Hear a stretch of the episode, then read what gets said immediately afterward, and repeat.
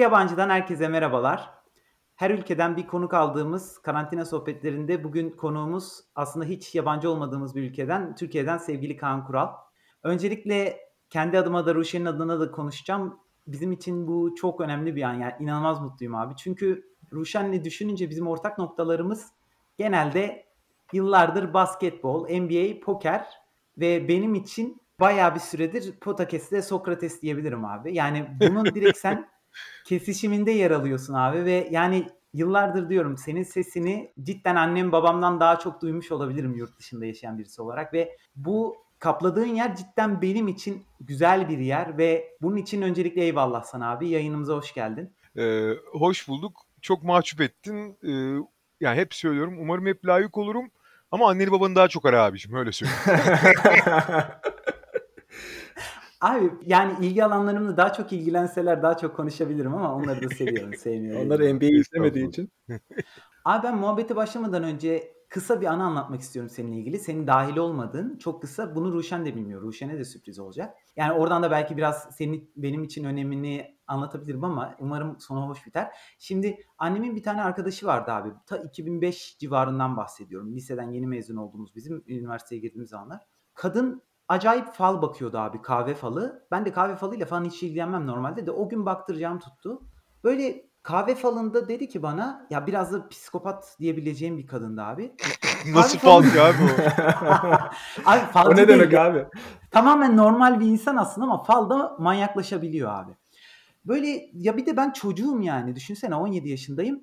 Bana dedi ki işte bu yaz dedi önümüzdeki yaz senin dedi idol olarak aldığın çok sevdiğin birisi dedi. Böyle Çeşme Kuşadası'nda bir şeyler olabilir ona falan dedi. Ben ya abi çocuğum ve bana böyle bir şey diyor. Benim o an idol al- alarak aldığım birisi yok ama kafada kurmaya başladım böyle tamam mı? Allah Allah diyorum kim olabilir falan. Çocukken böyle spor spikeri falan olmak istedim ve seni çok seviyordum. Ama yani o mesleği yapmak istemiyorum. Öyle bir anlatıyor ki ya abi o yazı inanır mısın bir tereddütle hatta seninle iletişime bile geçmeye çalışmayı düşündüm abi. Çeşme Kuşadası taraflarına gidersen falan ya böylesine ma- manyak bir şeyin gerçekleşme ihtimali yok da abi bir tereddütte bir yaz geçirmiştim. Neyse ki e, bir haber duymadık abi senden. 2006 yazı olabilir mi? Abi yok öyle bir şey olmadı değil mi? Şöyle e, ben en son en büyük ben çok nadir hasta olurum da Allah'a şükür hani inşallah bu, bu yaştan sonra olmayız. Ben en son gerçekten ciddi hastalığı 2006 yazında geçirdim çünkü. Hadi Ve yani canım. böyle bir buçuk gün hastanede falan kaldım. Yani öyle çok da abartmaya gerek yok yani. Hani ağır bir grip geçirdim ama bayağı bir buçuk gün falan kayıp tamamen. Yani komada geçirdim yani. Oo. O günden beri de yalnız işin ilginci o günden beri de burnum bile akmıyor yani. yani öve bile demem yani o günden beri. o zaman belki falı iyi gelmiş olur. Abi bir şey diyeceğim. Kuşadası Çeşme'de değildin değil mi? Yok Lokasyon- işin ilginci yanı Japonya'daydım abi. Dünya şampiyonası sırasında oldu. Ha. Abi ben ya bu Kuşadası diye gördüğü yer belki abi Ya işte adama da ku- kuş yok ama o şeyleri Japonları kuş zannetmiş olabilir. Aynen abi büyük ihtimalle. Neyse abi şu an sağlığın tamamen iyi olması çok sevindirici. Eyvallah. Bu geçmiş gitmiş bir olay. Bahsetmek istedim. E, Biraz gerçekçilik payının azıcık da olması biraz canımı sıktı. E, Ben geyik olup diye geçecektim. Abi ben de hemen başlamadan ben de bir şey söyleyeyim abi. Beni de çok mutlu ettin. Geldiğin için, katıldığın için çok teşekkür ederiz. E, Sadece söyleyeceğim şey Burak'ın söylediklerine ek olarak ilk bu podcast'te başladığımızda yazdığımız insan sensin fikrini almak için. Hani ne kadar önemli olduğunu biz- bizim için oradan görebilirsin aslında. Eyvallah abiciğim. Ve ve abi cidden beni özellikle gaza getiren bir mail atmıştın. Aynen. Yani biz böyle bir kararsız kaldığımız şeydi. Sonuçta bu zevkine yaptığımız bir şey ama senden o olumlu feedback almak bayağı önemli. Peki şu anda şey yapıyorsunuz, tekrar kayıtlara devam ettiğinize göre o gaz gayet iyi gelmiş gördüğüm kadarıyla. Sadece gazla kalmamış, daha sonra kendi kendini şey yapan, hani sadece o gazla giden bir araç değil, kendi ke- kendi enerjisini yaratan bir araç olmuş gördüğüm kadarıyla. Valla abi kesinlikle haklısın ya. Bir gazla devam ediyoruz ve küçük de olsa bir kitlemiz var. Ee, hem muhabbetimizi yapıyoruz hem de bir yandan podcast yapıyoruz. Umarım güzel bir şeyler yapıyoruzdur ya. Ağzınıza sağlık. Abi ben konuya biliyorsun muhabbet karantina sohbetleri diye geçiyor. Biraz karamsar yönlerinden hiç girmeden abi karantina döneminin nasıl geçtiğine dair birkaç soru sormak istiyorum. Yani benim gördüğüm abi iş yoğunluğunu koruyan nadir insanlardan birisin. Yani sizin sektörde bayağı etkilenen oldu ama e, sen e-spor yorumculuğuna halen e, devam ediyorsun uzaktan da. E, Sokrates devam ediyor. Senin için bu dönem nasıl gidiyor abi karantina dönemi? Yani şöyle e, sonuçta pek çok yani çoğu insanın genelde bir tane temel işi ve hatta yegane işi var. Ben birkaç tane iş yaptığım için aslında benim için benim de çok azaldı. Bir kere her şeyden önce ya benim temel işim olan spor yok yani. Hani spor yokken şey gibi bu ben aşçıyım ama et olmadan mezeyle idare ediyoruz gibi bir durum var sonuç itibariyle meze yaparak. E, ama doğal olarak yani tek veya asıl işi olan ve o işi yapamayan ya da kısmen yapabilen insanların yanında benim için devam ediyor. Her şeyden önce e-spor devam ediyor zaten e-spor yayıncılığı ama e-spor benim yaptığım işlerden biriydi sadece.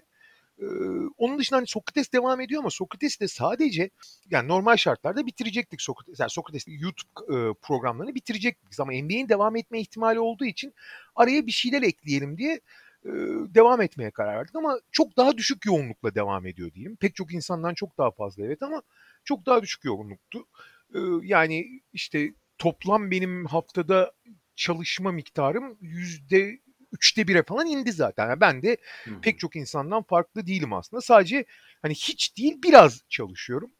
Ee, ama doğal olarak e, karantinanın getirdiği kısıtlamalar mı dersin, e, hani bir takım kurallar mı onlar herkes gibi ben de tabiyim doğal olarak. Peki evde nasıl hayat abi iş haricinde? Ee, ya şimdi kötü tarafından bakmamak lazım. Yani şöyle söyleyeyim. yani herkes neler yaşıyorsa 3 aşağı 5 yukarı ben de onları yaşıyorum. Bir kere her şeyden önce sıkılmak tabirini kullanmak istemiyorum ama çok monotonlaşmaya başlıyor her şey. Yani artık hani dizi seyretmek de oyun oynamak da istememeye başlıyorsun. Ama Hmm. diğer taraftan e, ben şeyi gördüm ya bu karantina sürecinde. iki tür insan var. Hani biri birincisi hakikaten iyi motivasyonlu ve hani bu dönemde kendisine bir şeyler katmak için işte ne bileyim işte e, 10 yıldır çalmadığı gitarı tekrar çalmaya çalışan, ne bileyim İspanyolca öğrenmeye çalışanlar falan. Onları çok takdir etsem de yani öyle bir motivasyonu hele ki evde bu kadar hani kısıtlılığın getirdiği bir sıkışmışlık hissi varken çok zor. Ben tam tersine şey yapmaya çalışıyorum. Mümkün olduğunca da yaptım şimdi şikayet ediyor gibi gözükmeyin. Daha önce abi buna vakit ayıramam şimdi dediğim ne varsa iyi de abi şimdi vakit ayırmayacaksın ne zaman ayıracaksın dediğim şeyler yapıyorum. Yani mesela bir en basit örneğini söyleyeyim. Wheel of Time serisi vardır kitap bilirsiniz. Hı hı. Yani onu almıştım ben. İşte ilk üç kitabı çok iyidir sonra bozuyor da altı kitabı da beş kitabı vardı bende. Hı hı. Yani bunu hiç abi vakit yok vakit yok diye erteliyordum. Okumaya başladım. Üçüncü kitabı bitirdim mesela. Ee, onun dışında işte Steam kütüphanemde 600 küsür tane oyun var. 500 tanesini hiç oynamamışım. Tekrar ısrarla yani tek tek yükleyip deniyorum. Hani 70 tane falan oyun denedim. Oho. Ama işte bir, bir süre sonra o da biraz hani sıkı, başka bir şey istiyorsun. Daha doğrusu e, ne istediğini de tam bilmiyorsun ama sonuç itibariyle daha önce abi buna vakit ayıramam dediğim her şeyi yapmaya çalışıyorum diyeyim. Çok iyi abi. Yani bence çok da kendimizi yüklemememiz lazım. Sen galiba en ayarında şeyi yapıyorsun. Son soracağım bu konuda şu olacak abi. Kafenin durumu şimdi sen bir yandan da kendini esnaf olarak adlandırıyorsun. Ben esnafsı diyeceğim. Yanlış anlaşılmasın. Yani kafenin durumu peki sonuçta esnaflar burada galiba en çok etkilenen insanlar. Bu senin hayatında da böyle mi abi? Ya şimdi en çok diye e, bunu bir şeye yani senin için söylemiyorum yanlış anlama. Hı hı. Ee, en çok diye bir yarışa sokmaya kimler yani herkes çok aşırı yani herkes değişik ölçeklerde etkilendi. Bunu hayatında yani bazı insanlar için çok daha yıkıcı olabiliyor bu etki. Ama sonuç itibariyle dükkan her zaman işte ortamla benim dükkan benim değil zaten Onur'la ikimizin. Hı hı. Dükkan her zaman bizim için bir şeydi. Ee, hiçbir zaman doğru düzgün yani para kazandıran bir unsur değildi. O bizim için bir keyifti. Biz de hatta espri yapıyorduk sosyal sorumluluk projesi diye. Çünkü vergi ödeyip çalışanların maaşlarını ödüyorduk. Başka da bir şey olmuyordu. Fakat işin ilginç yanı 5 sene falan e, kendi kendine anca döndüren işte kendi kemik kitlesi dışında e, müşterisi belli sayıda olan ve böyle bir dost kulübü gibi bir yerken geçen yaz inanılmaz bir patlamayla yani ne olduğunu bizim de anlamadığımız hani yavaş yavaş yükselir yavaş yavaş duyulur yavaş yavaş ilgi çekmeye başlar öyle değil abi. İşte atıyorum potansiyeli kurulduğu günden 5 yıl sonrasında %10-15 artmışken bir anda ikiye katlandı. Abi kapı duvar yıkılıyordu. Hafta sonları kapılardan 50-60 kişi dönmeye başlamıştı. Biz de yaz sonunda e, işte Ekim ayında yer değiştirdik. Çok daha büyük bir yere geçtik. İnanılmaz iş yapıyordu. Çok ciddi hani çok ciddi derken bir esnaf için iyi paralar kazanılmaya başlamıştı ki o yüzden zaten yeni yatırım yeni yere geçtik.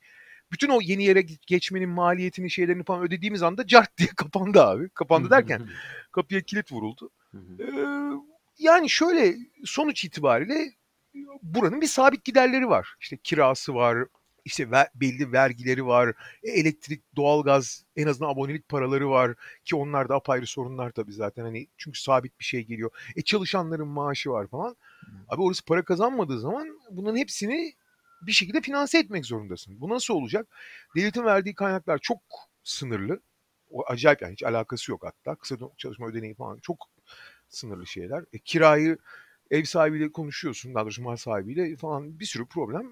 Ama yani Türkiye'deki kaç işte atıyorum 500 bin esnaftan çok da farklı değil bizim durumumuz. En azından bu bize yıkıcı bir etki yaratmadı şimdilik en azından. hı. Hı hı.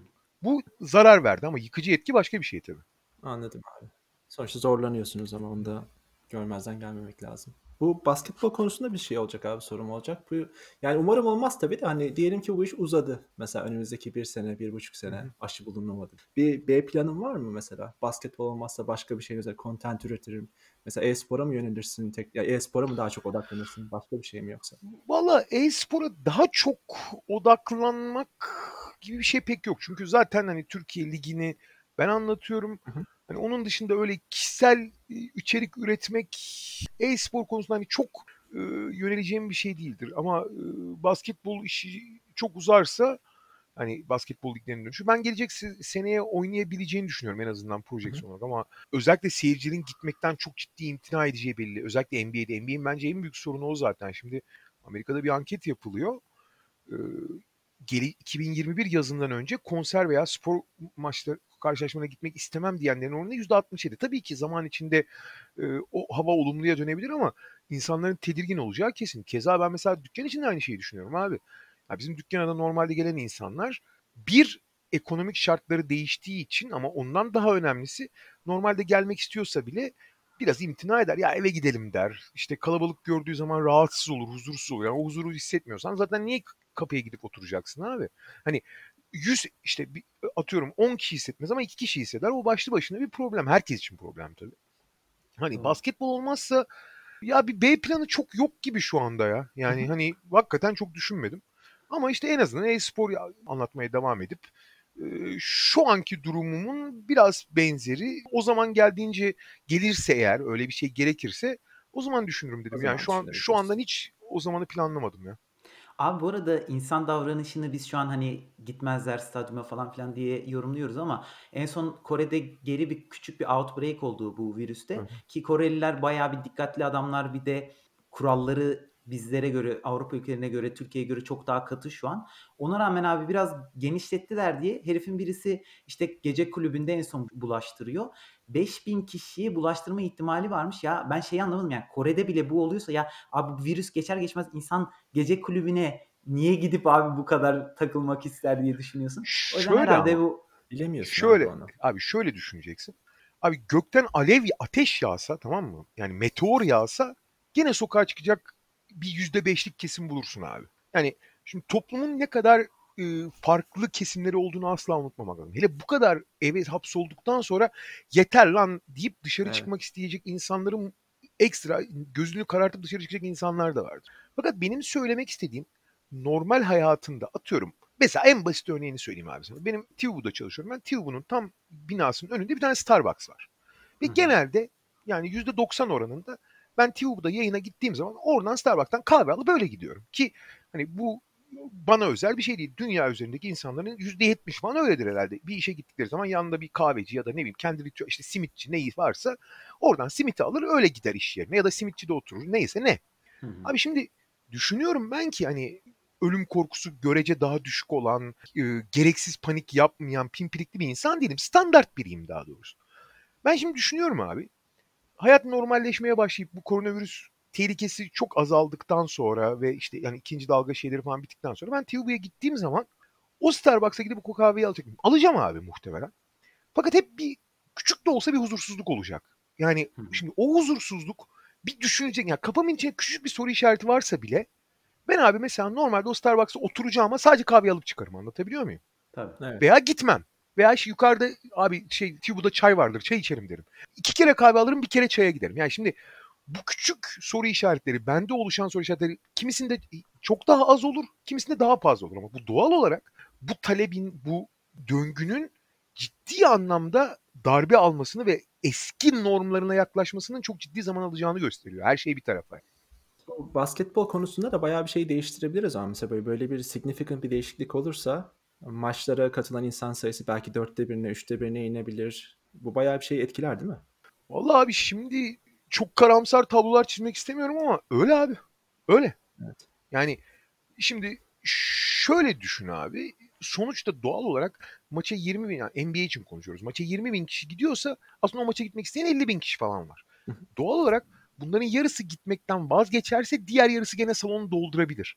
Ama bu işte fiyatlama konusunda, sezon biletleri konusunda problem yaratacak. Artı daha dramatik eksiklikler yani işte bu %67 maça gitmem diyen oran korunursa veya artarsa, o endişeler artarsa bu sefer hakikaten salonların yarı yarıya dolu olduğu yani ha- hakikaten sadece ben ne lan diye, diye gidecek insanların olduğunu görebiliriz ki bunun ekonomik etkisi bir tarafa şeyi de çok kötü olacak abi. Spor seyirci için yapılan bir şey. Yani seyircinin evet.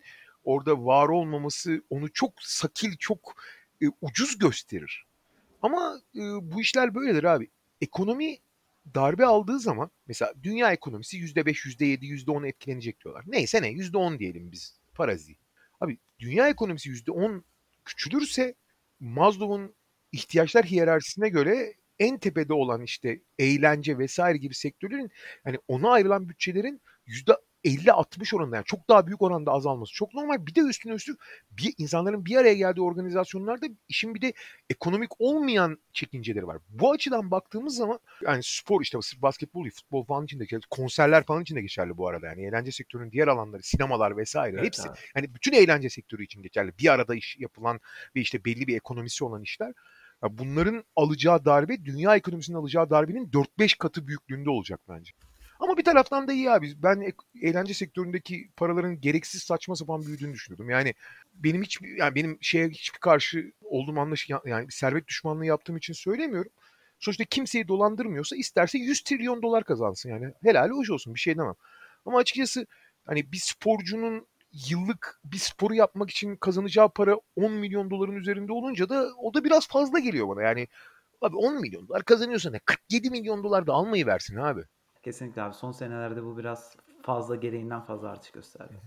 E ama yani bir sanırsam sırf baskette olduğu gibi diğer alanlarda da bir revize durum gerçekleşecek. Yani sanırsam ekonomide bir revize görecek. Diğer Görecek. alanlarda olduğu gibi. Esas büyük darbeyi yalnız bir alt seviyeler alacak. Yani tepedeki adam 45 milyon dolar kazanmaz da 10 milyon dolar kazanır. Aynen o bir şey gene zengin yani.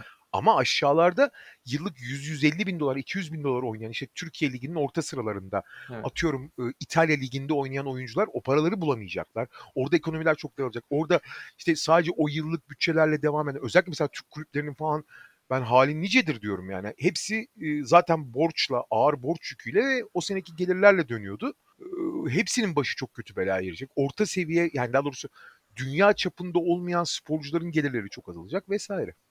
Abi olumsuz havaya girmeyelim dedik. Yine seni bir olumsuz havaya soktuk. Ya bu karantinanın sanırsam bahtı ya. İstemeden Abi giriyoruz abi konuya. konuşuyorsun Ya yani bunu bunlarla. olumsuz değil hani biraz e, şey demek lazım. E, gerçeklerle yüzleşmek demek lazım. Doğru abi. Ben gündeme dair bir şey soracağım abi. Dün Anadolu Efes biliyorsun şimdi Basketbol Federasyonu biraz da gündem konuyu değiştirmek istedim. Açıklama yaptığı şampiyon belirlenmeyeceğine dair bu sene. Hı hı, hı hı. Efes de bundan sonra hemen tweet attı ve benim işin açıkçası Türk spor kamuoyundan beklemediğim centilmenlikte bir cevap verdi. Normalde bu diğer kulüpler arasında böyle bir şey gerçekleşti. Hayatta alamayacağımız bir cevap. Yani önemli olanın sağlık olduğu ve şampiyon olmanın ligin bunun yanında önemli olmadığına dair bir cevap. Ee, buna dair ne görüşüm var abi? Yani ben bayağı bir mutlu oldum böyle bir şeyi gördüğüme. Ya valla ben Efes'in o konularda büyük oranda çok daha hani Amerikalıların tabiriyle high road'u tercih ettiği ve biraz daha sportif açıdan ılımlı yaklaşmaya çalıştığı biliniyor. Burada da bence çok çok güzel bir mesaj verdiler. Ya gereksiz gereksiz işte mesela futbolla ilgili olunca herkes birbirini kırmaya çalışıyor ve futbolu tekrar oynatmaya çalışıyorlar bir de yetmezmiş gibi. Evet. Çünkü onların en büyük korkusu lig benzer bir karar alırsa işte basketbol gibi yani ligin tescil edilmemesi falan bu toplum içinde yaratacağı hani gerginlik bir tarafa Bein Sports'tan yayın gelirlerini alamayacakları için kulüplerin hepsi zaten batmış durumda. Dibin dibini bulurlar yani hani e, okyanusun dibinden şey Mariana Çukuru'na doğru kayarlar yani. Ee, tek dertleri onların para. Yani bu anlaşıl yani bu arada hani küçümsediğim şey- şey kötümlemek için söylemiyorum. Çok anlaşılabilir bir durum. Yani aynı pozisyonda biz de olsak o gelirlerin olmadığı durumdaki senaryolardan sorumlu olsak biz de elimiz ayağımıza dolanır yani. Ha diğer taraftan hani sağlık olduğu zaman e, her şey ikinci planda çok doğal olarak. Efes o konuda mesajı veriyor ama Evet. Efes'in tabii bu tip mali kaygıları da çok fazla yok. Artı hani basketbol bir de playoff sporu olduğu için zaten her şey playoff'ta belli olacaktı.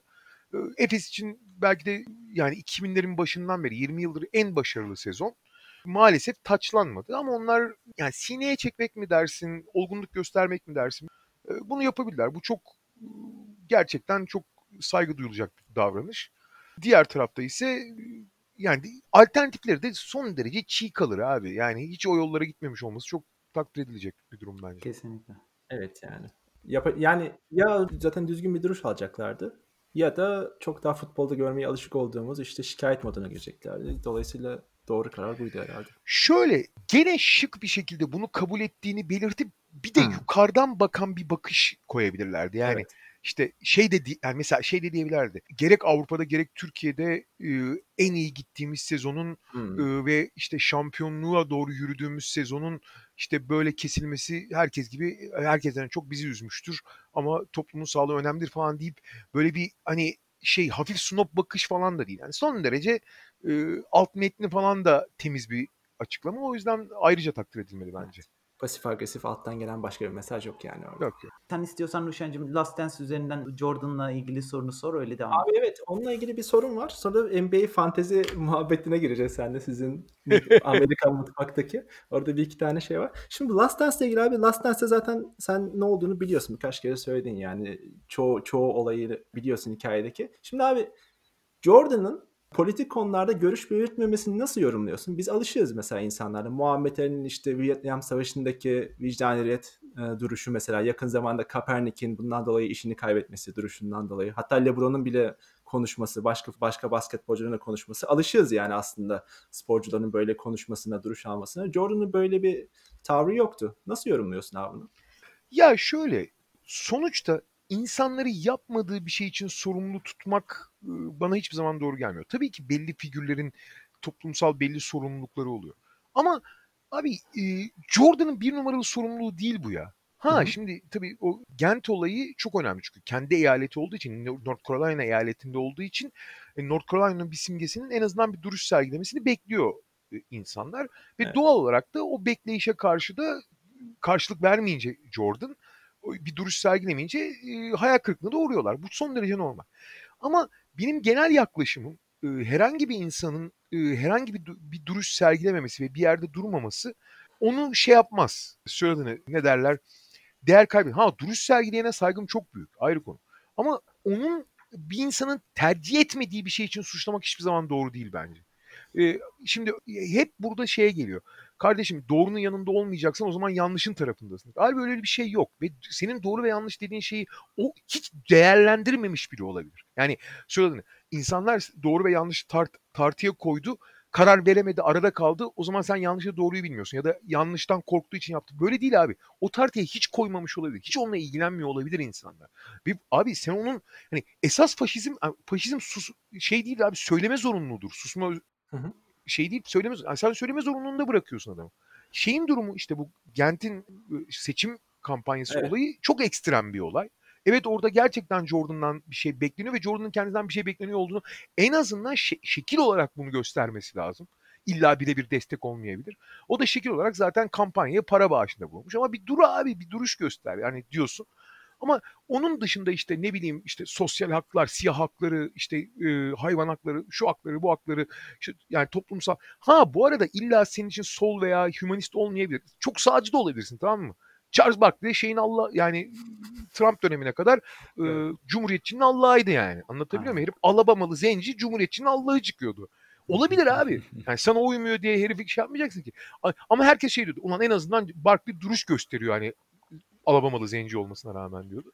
Jordan'ın bu duruşsuzluğu biraz e, şey ne derler o mükemmel imajını zedelememek gibi algılanıyordu. Ben açıkçası öyle bakmıyorum dediğim gibi. Hiç umursamamış olabilir abi. Hiç tartmamış olabilir. Abi bırak tartmasın adam ya. Tartıp da bir karar verdiğini düşünüyorsan o da niyet okumaktır abi. Onu da yapamazsın. Ben aslında şeyi demek Hatta istemedim yani. yok yok ben seni anladım. Söyle. Hatta herifin verdiği demeç ne kadar bu konuda hiç düşünmediğini gösteriyor. İşte Cumhuriyetçiler de ayakkabı alıyor. Evet. Baba herifin derdi ayakkabı satmak falan hiçbir zaman olmadı Jordan'ın derdi. tamam mı? Yani herif hakikaten yani umurunda değil abi herifin. Ve bırak umurunda değilse umurunda değil. Ha sen ona çok fazla büyük sorumluluklar ve toplumsal liderlik özellikleri yüklüyorsan o biraz da senin sorunun. Herif abi ı, Allah'ın belası deri bir tane topu yarım metre bir çemberin içine geçirdi geçirmedi. Bunu yapıyor. Ondan sen toplumsal bir lider olmasından niye bekliyorsun ki? Ha bunu yapıyorsa yapanlar var işte mesela en son son dönemde Le- LeBron James yapıyor. Daha önce Muhammed Ali falan yaptı. Onlar aşırı takdir edilirler. Tamam mı? Çünkü onlar başka bir hani sporda kazandıkları şeyi ünü ve insanlara seslenme yeteneğini başka bir platformda çok olumlu olarak kullanarak yeni bir kişilik, sporcu kişiliğinden bağımsız bir kişilik kazanıp oradan bütün takdirleri alırlar.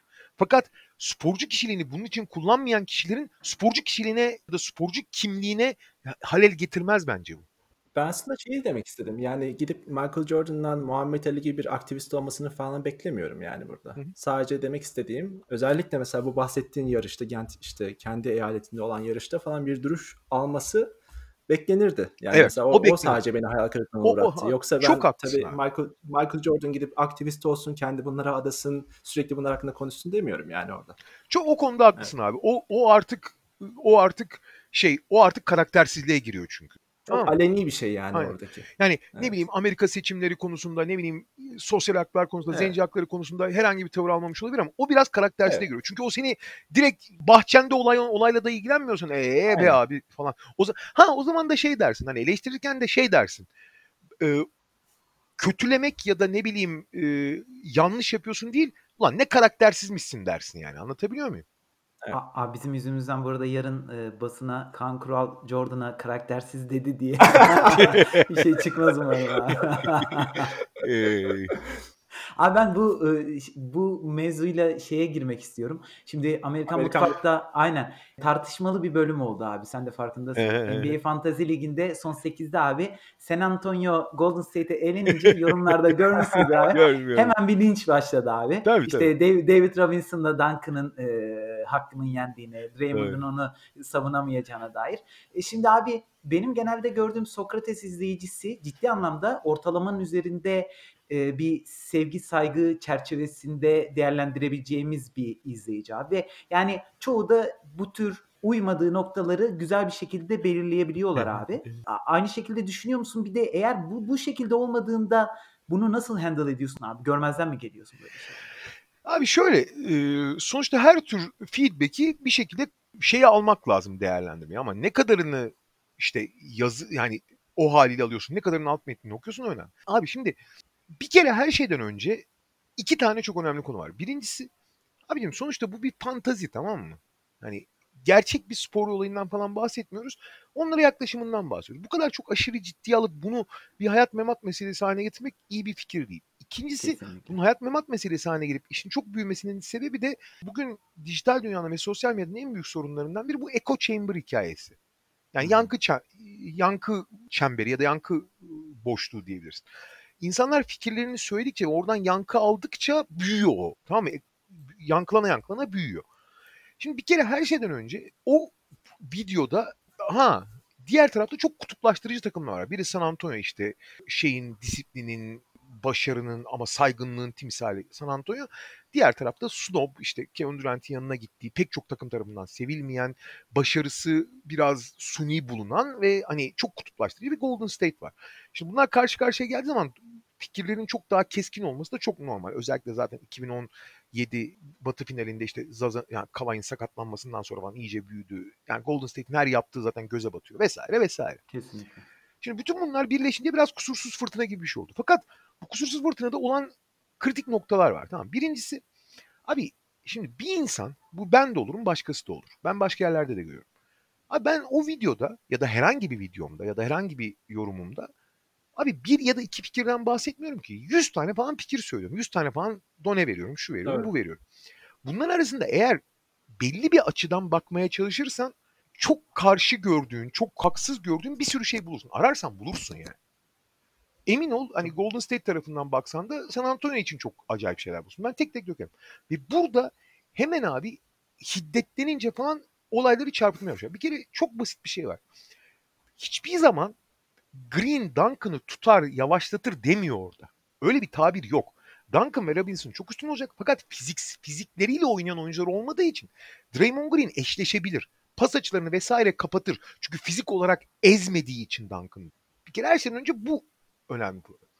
Yani onun dışında bu benim görüşüm abi. Ben Golden Evet. State'in oynadığı oyunun şeye çok yani San Antonio'dan daha üstün olacağını, San Antonio'nun belli şeylerde engel olamayacağını, Golden State'in en büyük sorunlarından biri Curry'nin eşleşmesi olduğunu ama Curry'nin eşleşebileceği bir Parker olduğunu falan söylüyorum. Şöyle aynı videonun ilk bölümüne bakarsan mesela hep söylediğim bir şey var. Bu da benim görüşüm bu arada. Katılmak zorunda değilsin. Anlatabiliyor muyum? Katılmayabilirsin.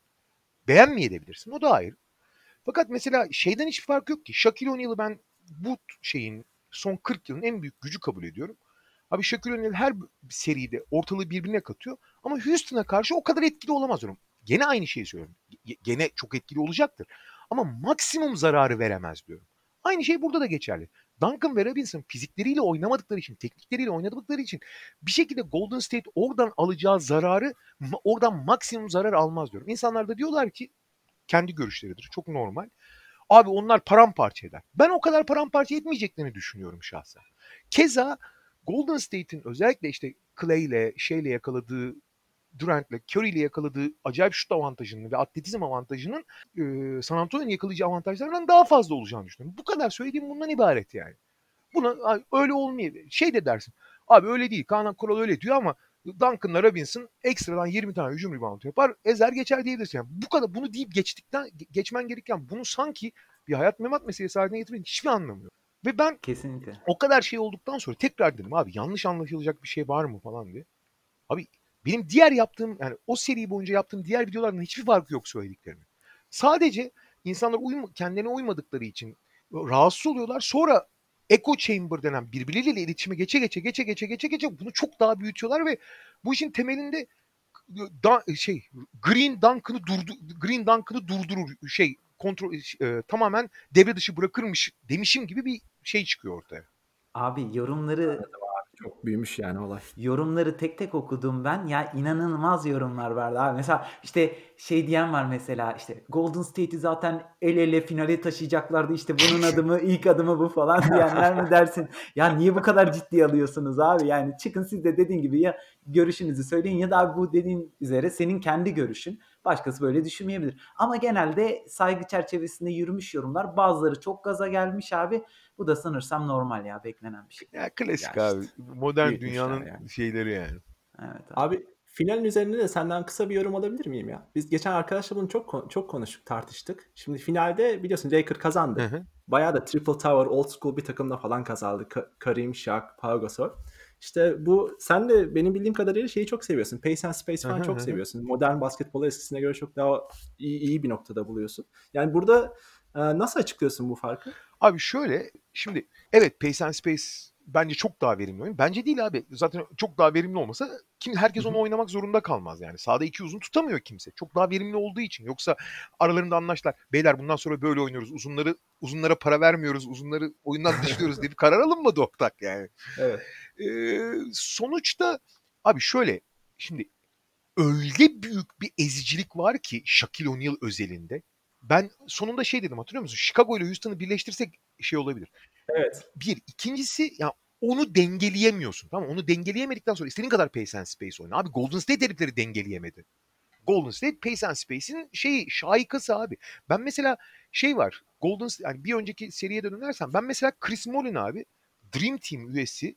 Abi adam Golden State kariyeri boyunca %59'da ikilik atmış. Dünyanın en iyi bitiricilerinden biri. Ona bile değer vermiyorum yani seri içinde. Diyorum ki rolü çok küçük kalacak. Çünkü benim kafamda oynattığım ki benim bu videom olduğu için ben kafamda oynatıyorum. Benim oynattığım, kafamda oynattığım şeyde onun rolü küçük kalıyor çünkü. Chris Mullin'in daha değerli olduğunu da söyleyebilirsin. Neyse.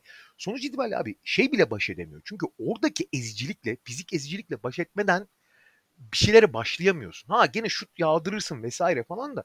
Bir de aynı zamanda abi babam çok fizikli adamlar tamam mı? Özellikle savunmada bu. O fizikle yani istediğin kadar pace ve space yap. Abi her yeri dolduruyorlar çok büyük oldukları için. Spacing'i de tam yapamıyorsun o şeye karşı. Bir de pozisyonlara bakıyorsun abi Magic Johnson, Kobe Bryant, LeBron James kısalar zaten. Hepsi çok fizikli abi. Evet. Hani orada şey falan nasıl hareket etsin yani? Stephen Curry falan nasıl hareket etsin? Kimle eşleşsin? O yüzden. Ha finale şey geldi zaman abi şimdi Jordan, Pippen hadi Pippen'ı şeyle eşle. Derrick Rose nasıl sahada tutacaksın abi? Anlatabiliyor muyum? Çok doğru.